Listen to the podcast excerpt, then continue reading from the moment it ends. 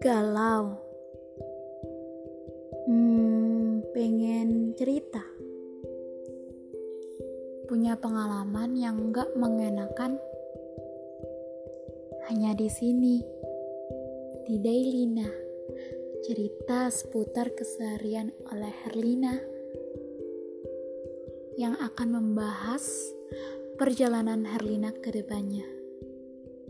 So, Dengarkan terus ya. Jangan bosan. Oh iya, jangan lupa juga kamu harus bahagia.